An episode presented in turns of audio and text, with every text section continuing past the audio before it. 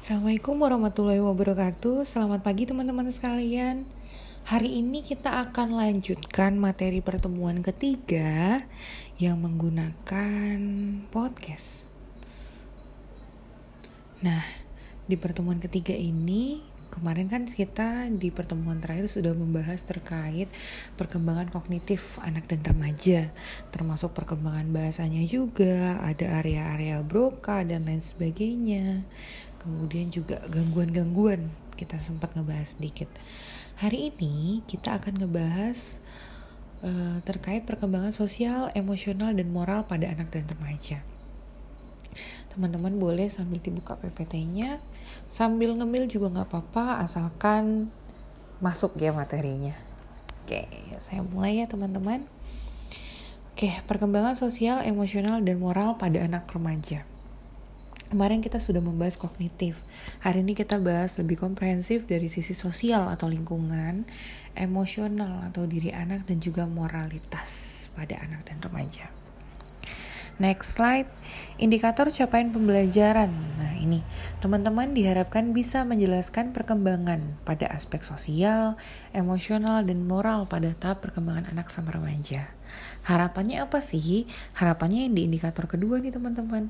Diharapkan bisa menjabarkan implikasi teori perkembangan tersebut dalam konteks pembelajaran. Contoh sederhananya, oke okay, kalau misalkan anak-anak uh, secara emosi tidak stabil, saya harus mengajar seperti apa ya, misalkan seperti itu. Oh anak-anak memang belum mengetahui ini benar atau salah, saya harus mengajar bagaimana ya dan sebagainya. Jadi bisa menjadi eh, strategi-strategi kita membantu kita untuk membuat strategi-strategi yang bisa membantu dalam proses pembelajaran pun membuat kita lebih memahami ada apa sih yang terjadi pada anak dan remaja. Next slide. Nah ini teman-teman sekalian cakupan bahasannya adalah membahas terkait perkembangan anak, perkembangan remaja, kemudian keduanya akan kita bahas satu persatu pada aspek emosi, moral, dan juga sosial. Nah, next slide, teman-teman pasti tahu ya, perkembangan itu apa sih gitu. Biasanya kita tahu ada namanya perkembangan dan ada namanya pertumbuhan. Jadi perkembangan adalah aspek perilaku dari pertumbuhan. Jadi sebenarnya pertumbuhan juga tapi ada aspek perilaku di dalamnya. Contohnya kemampuan dari anak yang awalnya belum bisa jalan, terus dia bisa mencoba untuk merangkak, uh, terus menitih sampai akhirnya dia bisa berjalan dan berlari seperti itu. Jadi bertumbuh sebenarnya, tapi ada aspek perilakunya.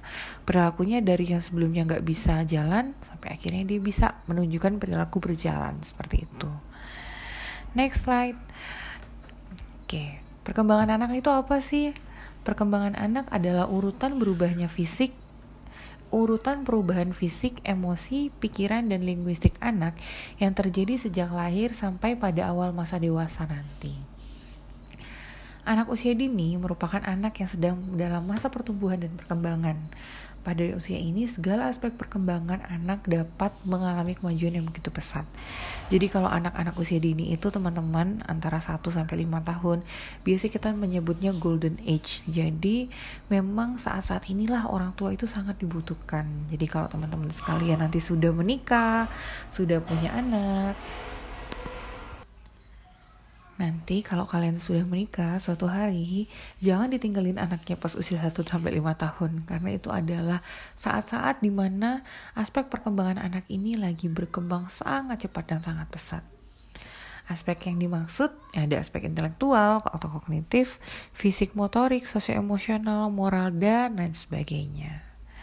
Next slide.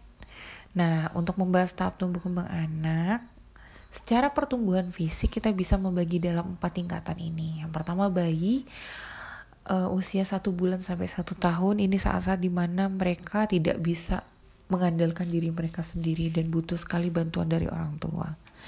Kemudian ada toddler atau batita, bayi 3 tahun biasanya, usianya 1 sampai 3 tahun.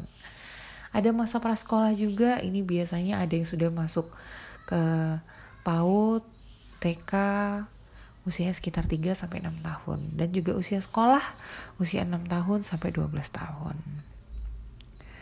Profil perkembangan emosi anak. Nah, teman-teman sekalian, emosi adalah perasaan yang timbul saat seseorang berada dalam keadaan yang dianggap penting. Contoh simpelnya, saya sedang berada pada situasi di mana teman saya membuli saya. Nah, muncul emosi di situ. Ada emosi kesal, marah, dan sebagainya. Emosi diwakilkan oleh perilaku yang mengekspresikan kenyamanan atau ketidaknyamanan terhadap keadaan atau interaksi yang sedang dialami. Contohnya nih, kalian interaksi sama temen yang temen itu misalkan orangnya uh, sangat menyenangkan gitu. Diajak diskusi bisa diajak main oke okay, gitu. Biasanya kalian akan menunjukkan perilaku tertentu menunjukin ekspresi kenyamanan itu. Misalkan selama bermain sama dia kalian banyak tersenyum banyak tertawa nah itu emosi yang ditunjukkan. Nah emosi bisa berbentuk rasa senang takut marah dan sebagainya. Jadi tapi tidak terbatas pada ini aja. Ada emosi gelisah emosi bimbang dan lain sebagainya jadi sangat beragam tidak terbatas pada sedih dan senang saja next slide Profil perkembangan emosi pada anak. Nah, teman-teman bisa ngebayangin lah ya, kalian membayangkan diri kalian ketika masa anak-anak dari kecil sampai usia 12 tahun. Ketika kalian masih kecil, mungkin uh, sering tantrum misalkan, tantrum tuh yang marah-marah nggak jelas, kadang emosi nggak stabil dan sebagainya. Nah, kita akan bahas. Nah, karakteristik emosi pada anak berbeda dengan karakteristik pada orang dewasa. Kalau emosi pada anak biasanya berlangsungnya singkat dan berakhir tiba-tiba. Contohnya itu tadi teman-teman tantrum misalkan. Misalkan kalian minta dibelikan mainan sama orang tua, tapi orang tua tidak mau memberikan mainan, tidak mau memberikan mainan. Teman-teman mungkin nangis gitu. Tapi nangis setelah itu ditenangin atau tidak ditenangin, kemudian ya udah emosinya udah uh, habis gitu. Jadi berlangsungnya singkat dan berakhir tiba-tiba. Contoh lain, di kalian bertengkar sama teman. Ya udah, berantem tuh cuma berantem untuk saat ini aja. Nanti misalkan udah diajak main lagi udah temenan lagi gitu. Jadi emosinya lebih bersifat sementara tapi sering terjadi nih dan reaksinya mencerminkan individualitas. Contohnya itu rebutan mainan atau uh, barang-barang yang kalian punya diganggu sama orang lain. Itu gampang banget meledak-ledak emosinya. Tapi berlangsungnya sangat singkat. Emosi dipengaruhi oleh dasar biologis dan juga pengalaman di masa lalu. Nah ini teman-teman jadi ada faktor genetik juga yang mempengaruhi emosi seseorang dan juga pengalaman kita di masa lalu. Emosi punya peranan sangat penting dalam perkembangan anak, baik pada usia prasekolah ataupun tahap perkembangan selanjutnya karena punya pengaruh sama perilaku anak. Nah, anak ini sebenarnya punya banyak sekali kebutuhan emosi. Kayak pengen dicintai, pengen dihargai, pengen dibikin ngerasa aman, nyaman, pengen juga dihargai prestasinya, pengen dianggap kompeten dan sebagainya. Jadi nanti ketika kalian suatu hari sudah punya anak, kalian harus membantu anak kalian untuk memenuhi kebutuhan emosinya harus menunjukkan kalau mereka dicintai, dihargai, dan sebagainya. Pun ketika kalian menjadi tenaga pendidik nih nanti teman-teman, kebutuhan emosi anak-anak kalian di dalam kelas itu juga perlu diperhatikan. Harus dibikin merasa aman, harus diapresiasi, dan sebagainya. Next slide. Karakter perkembangan emosi anak. Nah ini teman-teman, mereka punya kemampuan mengontrol emosi itu tergantung sama modeling peniruan dan pelatihan.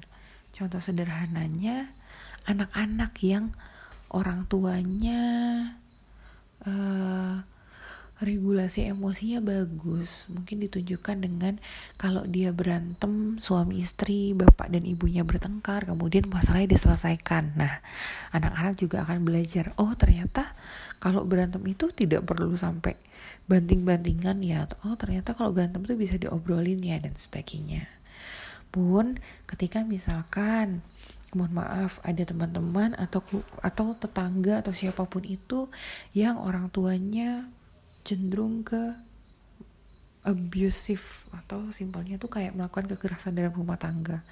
Nah, anak-anak yang menjadi korban ketika melihat mereka kan mau nggak mau juga akhirnya meniru.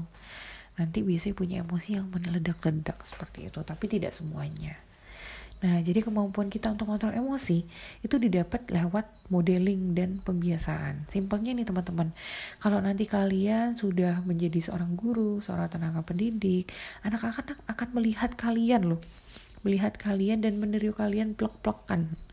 Kalau kalian misalkan ada siswa-siswi yang coret-coret dinding atau dia ribut di dalam kelas, terus kalian menanggapi dengan marah, tuh atau melakukan hal-hal yang membuat mereka terkejut gitu nanti mereka bisa melakukan peniruan apalagi ada efek pembiasaan di dalamnya Selanjutnya, pikiran emosional anak lebih dominan daripada pikiran rasional.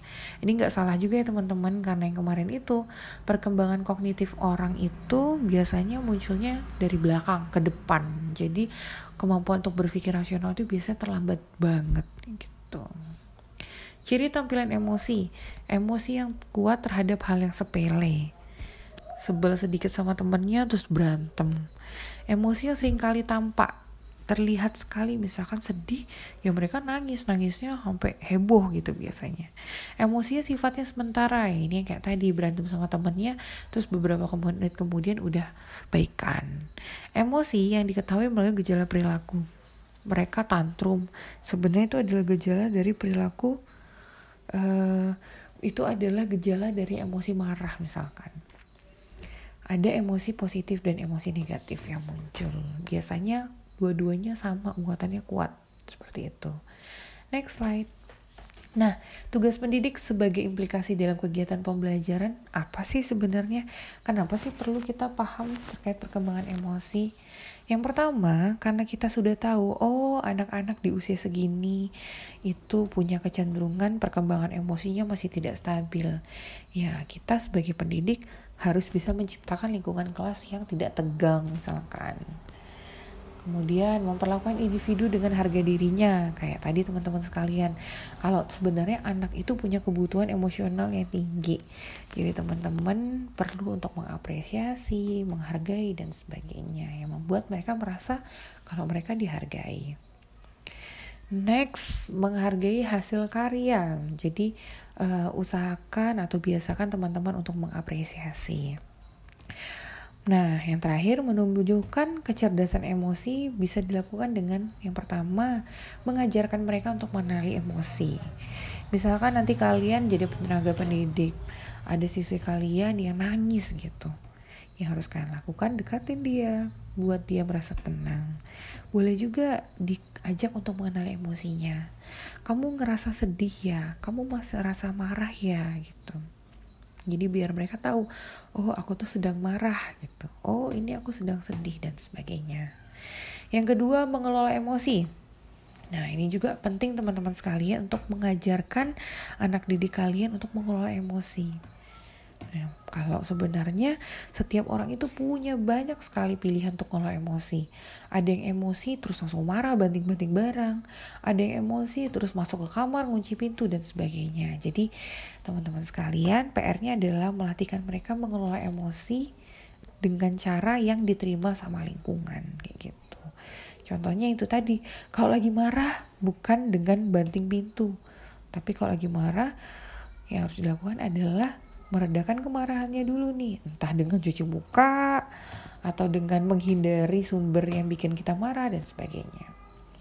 Ketiga memotivasi diri sendiri. Ini juga penting sekali. Dan yang keempat mengenali emosi orang lain. Atau simpelnya kita biasanya bilangnya peka terhadap kondisi orang lain gitu. Next slide. Kita sudah bahas terkait perkembangan emosi. Sekarang kita masuk ke perkembangan moral pada anak Perkembangan moral pada anak-anak berkembang secara, sejak usia dini. Nah, di usia dini ini, anak-anak biasanya akan menirukan dan akan sangat terikat pada lingkungan. Jadi dia ngelihat, oh di lingkungan saya ternyata orang yang mencuri itu ditangkap polisi loh. Jadi dia akan belajar, oh oke okay, aku berarti nggak boleh ngelakuin itu, misalnya seperti itu. Atau simpelnya di dalam kelas. Misalkan ada temennya yang berantem. Terus pak guru datang bilang udah udah nggak boleh berantem. Kayak gini nggak baik loh gitu gitu dan sebagainya. Nah anak akan meniru.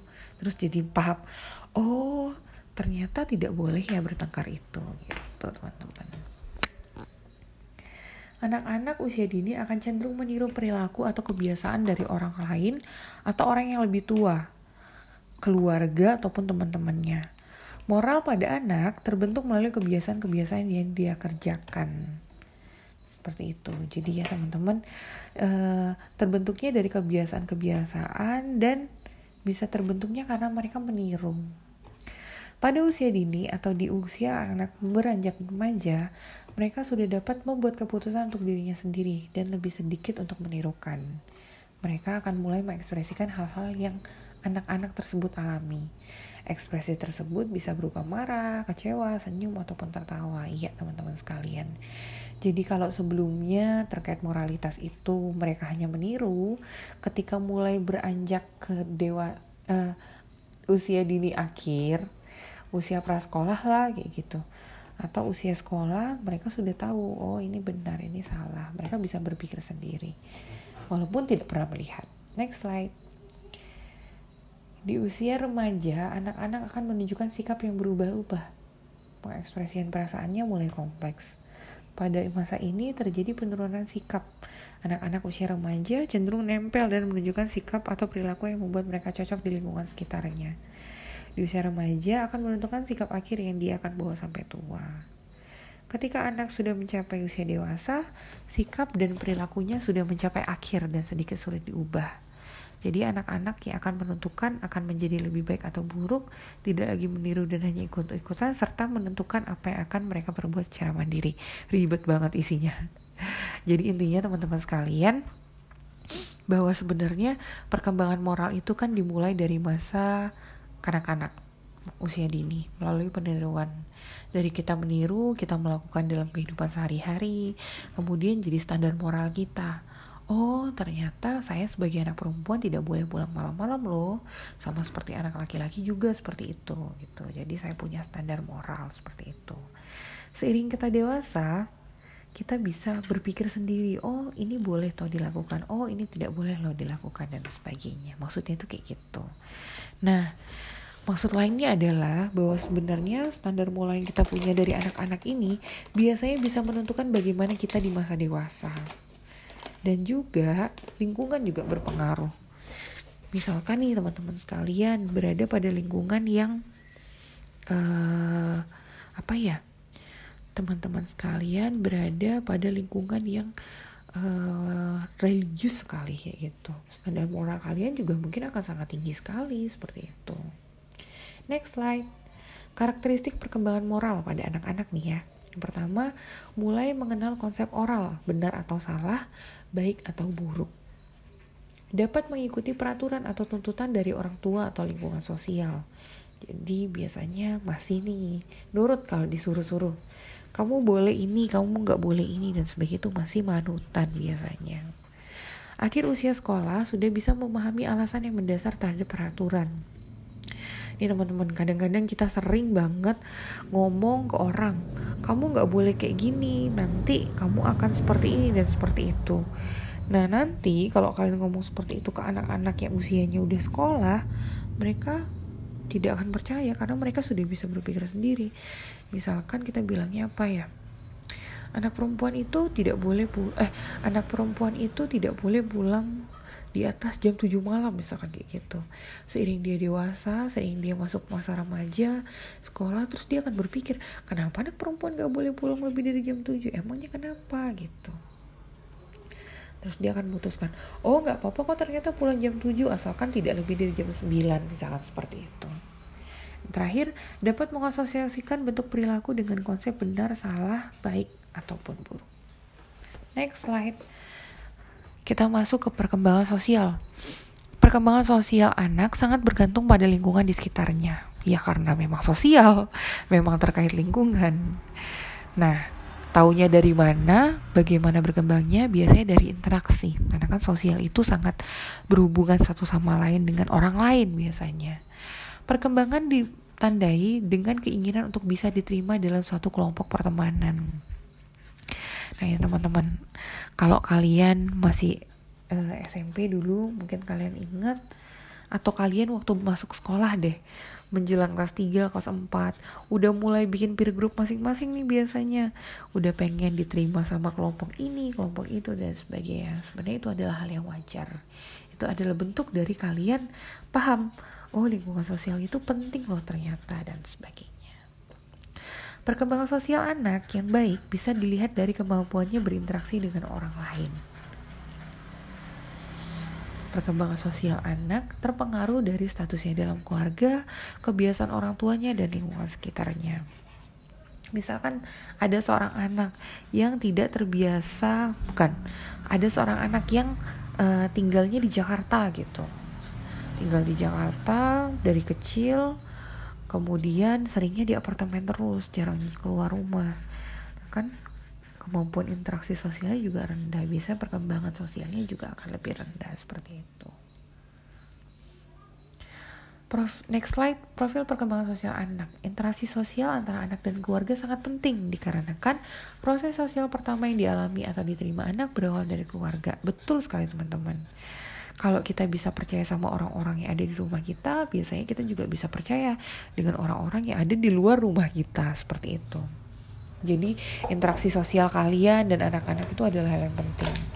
Yang seperti tadi saya sampaikan ada loh yang namanya golden age di mana di usia 1 sampai 5 tahun itu sebaiknya kita tidak meninggalkan anak-anak kita. Kita harus mendampingi mereka karena di tahap inilah mereka sedang berkembang pesat-pesatnya untuk mempersiapkan mereka nanti keluar dari rumah dan mandiri. Pengenalan lingkungan luar dari orang tua sangat penting dalam perkembangan sosial anak. Dulu saya pernah banget punya klien waktu saya sedang bekerja di puskesmas saya praktek. Ada seorang anak yang dia itu kalau teman-teman tahu namanya mutism. Jadi dia kalau bicara ya milih-milih mau bicara sama siapa. Misalkan dia mau bicara sama ibunya, tapi dia nggak mau bicara sama orang yang baru dia temui dan sebagainya. Biasanya kita menyebutnya kalau di psikologi gangguan selektif mutism. Nah, pas saya tanya sama orang tuanya, ternyata memang orang tuanya juga jarang berinteraksi sama tetangga-tetangganya atau teman-teman orang tuanya dan sebagainya. Akibatnya apa? Akibatnya anaknya tidak bisa mengetahui kalau sebenarnya uh, hubungan sosial itu penting loh. Kita butuh loh orang lain, kita butuh loh interaksi dan lain-lain. Next slide. Karakteristik perkembangan sosial pada anak. pertama, pemahaman tentang diri jadi paham tentang konsep diri siapa sih saya hmm, saya itu bagian dari apa sih saya itu anaknya siapa sih saya itu bagian dari kelompok apa sih dan juga self concept ini terkait sama body image biasanya. Body image itu gimana dia melihat dirinya dia ideal self. Gimana dia melihat bentuk-bentuk ideal. Ada orang-orang yang punya ideal self. Ideal selfnya adalah aku harus menjadi seorang presiden. Bentuk ideal. Walaupun kenyataannya atau real selfnya dia adalah mahasiswa misalkan gitu sebenarnya kita semua punya sih bentuk dari si ideal self itu kita pengen suatu hari kita seperti ini seperti itu dan sebagainya cenderung mendefinisikan dirinya secara subjektif Usia 7-11 tahun meluangkan waktu 40% untuk berinteraksi dengan teman sebaya atau kelompoknya. Iya banget teman-teman, kalau kalian masih ingat, setiap sore kalian biasanya suka main apa waktu masih kecil? Main sepeda dan lain-lain mungkin? Membentuk ikatan baru dengan seba teman sebaya atau peer group. Dan timbul sikap kooperatif dan sosiosentris dalam kelompok atau geng. Next slide. Oke, tadi kita sudah anak, sekarang kita masuk ke tahap perkembangannya yang remaja. Remaja itu apa sih? Remaja itu adalah eh, anak-anak uh, kalau menurut Kemenkes RI yang berada pada rentang usia 10 sampai 18 tahun. Nah, kalau menurut WHO 10 sampai 19 tahun. Jadi setiap orang punya definisi masing-masing. Remaja adalah masa peralihan dari anak menuju dewasa. Di masa ini terjadi berbagai macam perubahan yang cukup bermakna, baik secara fisik, biologis, mental, dan emosional, serta psikososial. Perkembangan remaja adalah bertambahnya kemampuan atau skill dan fungsi tubuh dalam struktur dan fungsi yang lebih kompleks dalam pola yang teratur dan dapat dinamakan sebagai hasil dari suatu kematangan. Jadi diri anak-anak sudah mulai matang sehingga secara biologis misalkan sudah bisa memiliki anak dan sebagainya. Walaupun belum sempurna. Next slide. Nah ini banyak banget pengertian remaja. Menurut Santrok, biasanya kita pakai Santrok ya.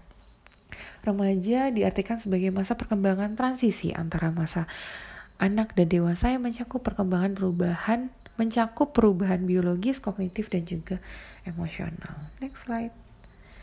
Nah ini teman-teman, masa remaja dibagi menjadi tiga tahapan. Coba kalian lihat, kalian masuknya remaja apa sih? Nih, remaja awal, sekian remaja tengah 17 sampai 19 tahun. Remaja akhir nih teman-teman banyak yang udah remaja akhir ya sekarang. Nanti kalau sudah selesai remaja akhir akan masuk ke dewasa awal. Next slide. Perkembangan emosi remaja. Emosi yang tadi ya teman-teman perasaan intens yang ditujukan kepada seorang atau suatu suatu keadaan serta reaksi terhadap seseorang atau kejadian. Umumnya perkembangan emosi mencapai puncaknya saat kita remaja. Pada saat remaja ini muncul emosi yang berbeda jika dibandingkan dengan masa anak-anak maupun orang dewasa. Oke, next slide teman-teman. Kita akan masuk ke ciri-ciri emosi pada remaja. Yang pertama, usia 12-14 tahun. Cenderung banyak murung dan tidak dapat di prediksi biasanya. Tiba-tiba pulang sekolah udah masuk ke kamar aja kunci pintu. Teman-teman masih ingat siapa yang suka kayak gitu? Kemudian bertingkah laku kasar dan menut untuk menutupi kekurangan dalam hal percaya diri. Jadi biasanya anak-anak uh, remaja nih biasanya kepercayaan dirinya rendah sekali. Apalagi mulai bisa membandingkan diri sama teman-temannya dan sebagainya. Jadi biasanya bertingkah laku kasar. Contoh simpelnya bullying sering banget terjadi. Membuli teman-temannya untuk menunjukkan kalau dia punya kuasa loh sebenarnya. Kenapa dia perlu menunjukkan kalau dia punya kekuasaan punya kekuatan sehingga dia membuli? Karena itu tadi dia sebenarnya basicnya tidak percaya diri seperti itu Kemudian mulai mengamati orang tua dan guru-guru mereka secara lebih objektif cenderung tidak toleran terhadap orang lain dan ingin selalu menang sendiri. Nih, karakteristik remaja biasanya masih cenderung egosentris. Dan kemarahan, kemarahan itu biasa sekali terjadi di usia remaja. Kemudian usia 15 sampai 18 tahun. Pemberontakan remaja merupakan ekspresi dari perubahan yang universal dari masa anak-anak ke dewasa. Sering banget diberontak biasanya, disuruh ini nggak mau, suruh itu nggak mau, pengen di maunya dituruti dan sebagainya. Ini karakter banget sih anak remaja. Sering kali melamun, memikirkan masa depan, mereka. Jadi sering menerka-nerka sebenarnya kayak gimana ya yang terjadi di masa depan dan sebagainya. Banyak remaja mengalami konflik antara mereka dan orang tua ini karena beda perbedaan pendapat itu teman-teman sekalian sehingga sering sekali jadi kayak konflik sama orang tua padahal sebelumnya mungkin tidak ada apa-apa seperti itu. Next slide. Faktor yang mempengaruhi perkembangan emosi remaja ini sangat banyak sekali. Yang pertama perubahan fisik atau jasmani. Nah, teman-teman sekalian, kalau kalian sudah tahu bahwa per, kalian kan puber nih, puber itu kan ada pengaruh hormonnya. Hormon itu juga kadang-kadang bisa mempengaruhi emosi. Misalkan perempuan ketika sedang masa haid jadi lebih sering marah-marah, emosi tidak stabil dan lain-lain. Itu beberapa contohnya. Laki-laki apa ya? Saya juga hmm, mungkin kalau laki-laki pas masa puber jadi pengen menunjukkan maskulinitasnya dengan cara apa? Dengan berantem sama teman-temannya, misalkan kayak gitu. Keadaan individu pada anak, misalkan ada cacat tubuh ataupun kekurangan pada diri anak, akan sangat mempengaruhi perkembangan emosional, bahkan berdampak lebih jauh pada kepribadian anak. Perubahan dalam hubungan dengan teman-teman. Di remaja awal biasanya suka membentuk geng, yang biasanya punya tujuan positif untuk memenuhi minat mereka bersama. Perubahan dalam hubungannya dengan sekolah, menginjak remaja, menginjak remaja, mereka mulai menyadari penting pendidikan untuk kehidupan di masa mendatang. Faktor penyesuaian dengan lingkungan baru, faktor belajar, lingkungan belajar, lingkungan keluarga, semua ini mempengaruhi perkembangan emosi remaja. Next slide, perkembangan moral. Nah, seperti tadi ya teman-teman, moralitas, kemauan untuk menerima, melakukan peraturan-peraturan, dan sebagainya. Next slide. Tahap perkembangan moral remaja menurut Kohlberg. Kohlberg. Yang pertama ada tingkat prakonvensional. Nah, pada tahap ini kita sebagai anak remaja mulai menilai moralitas dari tindakan yang mendapatkan konsekuensi secara langsung. Misalkan kita dapat reward ataupun dapat punishment gitu. Kemudian ada tingkat konvensional juga menilai moralitas dari suatu tindakan dengan membandingkan dengan pandangan dan harapan orang lain. Misalkan menurut masyarakat di sekitar nggak boleh loh melakukan pencurian. Nah, menurut kita yaitu moralitasnya seperti itu. Ada juga tingkat post konvensional menjadi pendirian nanti. Baik dan buruk sudah dipertimbangkan secara personal sehingga tidak terlalu pusing oleh komentar negatif masyarakat. Jadi ini sebenarnya bentuknya kayak tangga. Yang pertama prakonvensional dari reward dan punishment. Kalau misalkan orang tua bilang nggak boleh ya kamu keluar malam nanti uang jajanmu dipotong kayak itu prakonvensional. Konvensional uh, sudah nggak mengikuti omongan orang tua tentang reward dan punishment tapi lebih ke melihat orang-orang berharap aku seperti apa ya gitu. Kemudian yang post konvensional udah mulai bisa menentukan mana yang baik dan benar baik dan salah menurut dia. Next slide. Faktor yang mempengaruhi perkembangan moral remaja. Tingkat harmonisasi hubungan orang tua dan anak. Ini ya biasa teman-teman. Karena kalau hubungan kalian dan anak baik biasanya anak ataupun remaja jadi lebih manut kasarannya tuh jadi lebih me memenuhi apa yang orang tua katakan. Pun mereka bisa pak manut ketika memang menurut mereka apa yang orang tuanya lakukan benar. Faktor seberapa banyak model. Model ini adalah uh, contoh gitu orang-orang yang dijadikan gambaran ideal anak dalam melakukan berbagai hal. Faktor lingkungan juga bisa, faktor tingkat penalaran semakin tinggi kognitifnya, makin tinggi juga tingkat moralnya biasanya. Faktor interaksi sosial memberikan kesepakatan pada anak untuk mempelajari dan menerapkan standar perilaku yang disetujui masyarakat. Next slide. Perkembangan dasar moral yang harus dilakukan remaja. Yang pertama, pandangan moral individu semakin lama menjadi lebih abstrak. Jadi batasan mana yang benar dan salah itu biasanya jadi lebih abstrak. Ya benar sih, tapi tergantung dulu, tergantung siapa yang lihat. Ya salah sih, tapi tergantung siapa yang lihat gitu. Pakai sudut pandang mana. Keyakinan moral lebih berpusat pada apa yang benar dan yang kurang pada apa yang salah. Jadi lebih ke apa sih yang benar itulah yang diikuti. Penilaian moral yang semakin kognitif mendorong remaja untuk berani mengambil keputusan terhadap berbagai masalah moral yang dihadapinya. Penilaian moral secara psikologis menjadi lebih akurat atau lebih kuat. Dalam arti biasanya penilaian moral ini bisa menimbulkan ketegangan emosi. Kayak tadi teman-teman batasan moral benar dan salah dan sebagainya jadi sangat tipis. Next slide. Profil perkembangan sosial. Tadi sudah moral sudah juga emosi sekarang sosial. Perkembangan sosial seperti tadi teman-teman sudah dijelaskan ada interaksi di dalamnya sangat penting.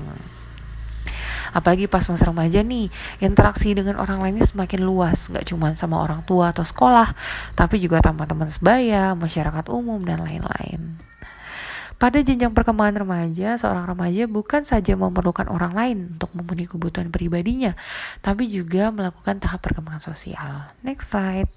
Karakteristik Pertama, berkembangnya kesadaran terhadap kesunyian dan dorongan untuk bergaul. Jadi sudah merasa sepi, pengen bergaul sama teman-temannya dan sebagainya. Adanya upaya memilih nilai-nilai sosial. Mana yang benar dituruti, yang gak benar ditinggalkan. Tapi benar dan salah menurut sudut pandang dia.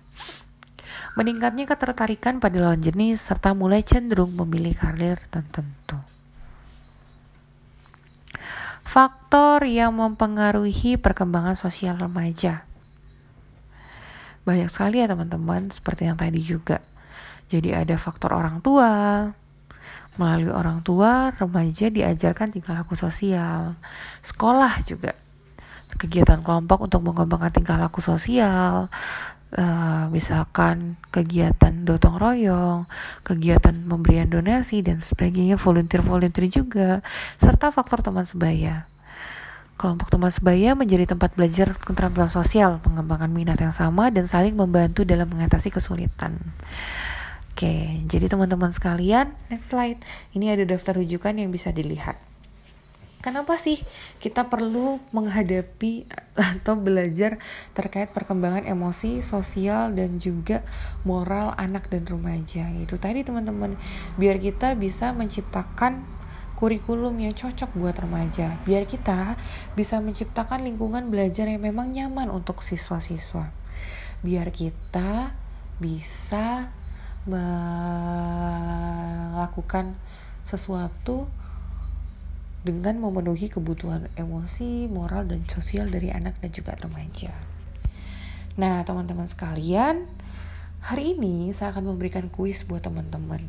Satu saja pertanyaan pertanyaannya adalah pertanyaannya adalah teman-teman saya minta untuk mencari implikasi mempelajari perkembangan moral, emosi, sama sosial anak dan remaja pada ranah pendidikan. Tadi kan saya sudah mengatakan satu biar bikin iklim belajarnya lebih nyaman, kembangin kurikulum biar bisa paham perbedaan individu misalkan. Nah, teman-teman saya minta kasih satu contoh yang lebih detail dan lebih konkret kayak gitu. Gimana mengaplikasikan ilmu yang kalian sudah punya di kelas nanti. Oke?